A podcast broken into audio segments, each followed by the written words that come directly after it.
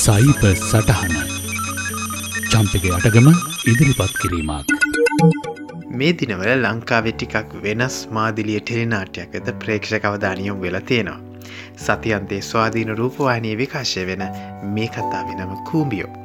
ඒ රාත්‍රයෙහි අවසාන කොටස විකාශය වුණත්. එතෙක් මෙතෙක් ටෙලිනාටයක් සම්බන්ධ ඇතිවුණු විශාලම ප්‍රේක්ෂක කතිකාව සමාජ ජාලහරහ නම් තව ටික කාලයක් පවතීවි. ඇයි කූම්බියෝ මෙතරම් ජනප්‍රිය වුණේ. එහිතිර රචනය රඟපෑම් චරිත තෝරා ගැනීම දෙබස් කැමරා කෝනාදී සියල්ල ඉතා විශිෂ්ට මට්ටමි තිබුණට අමතරව.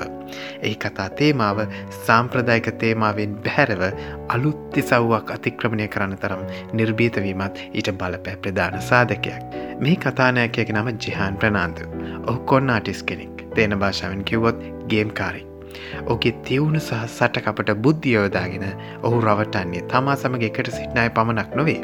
පක්ෂනායකයන් විසල් ආයතන ප්‍රධානින් පාතාල කලිනායකයන් සහ රටේ පාලන තන්ත්‍රයට පවා සම්බන්ධ ප්‍රභූචරිත. කතාව පෙන්වන හැටියට ජානින් ලබන්නේ මුල්ලමය හෝ දේශපාලනික උමනාවට එහා ගිය එක්තරා වියරු ප්‍රමෝදයක්. ජයන්ගෙන අද මේ විස්සර ටික කිව්වේ. ලෝක මට්ටමින් මහත් ප්‍රසිද්ධියක් ලැබූ. FBI's most wanted හැක විදියට හඳුන්නන කෙවින් මිට්නික් ගැන කියන්න ප්‍රවේශයක් විදියට.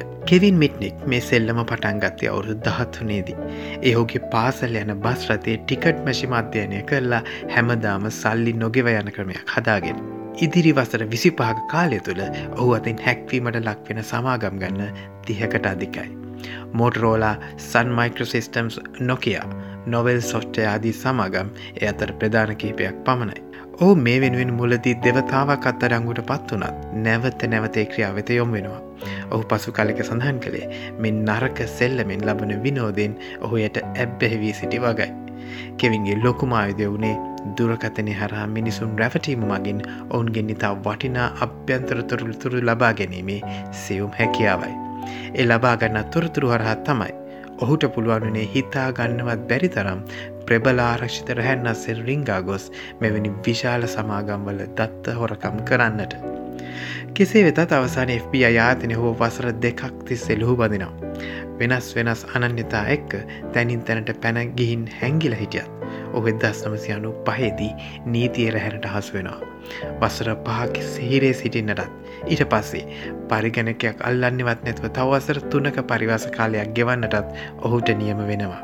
නමුත් ෆෙඩරල් රජයට ඔහුන් නැතිව බැරි වෙනවා. හිරෙන් මිදියා පසු පරිවාස කාලය තුළදීම ඔවුන් ඔහුගේ නසනවා.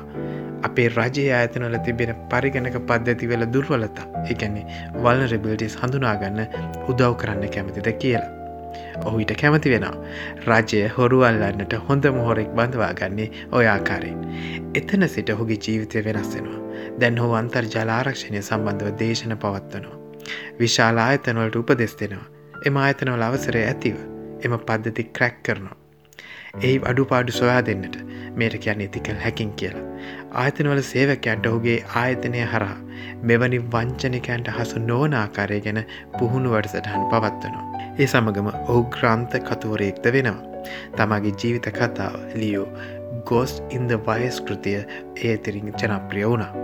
එහිදී ඔහු සැඟව සිටි කාලේ ඔහු විසින් කරන ලද හැකින් සම්බන්ධව සවිස්තර පැහැදිලි කිරීම් කරලා තියෙනවා. කෙවින්ගේ ප්‍රධානමාවිය වුණේ රැවටීම. ඔහු පවසන්නේ දවස් මාස ගණන් වෙහෙස වෙලා ක්‍රැක්කිරීමකින් තාක්ෂණික පරිශ්‍රමයක් යොදා සොරාගන්නා විස්තරවලට වඩා දෙයක් එක්ක දුරකත නැමතුමකින් ලබාගන්න පුළුවන් වග. මිනිසුන් ස්වභායික්වම තව කෙනෙක් විශ්වාස කරනවා.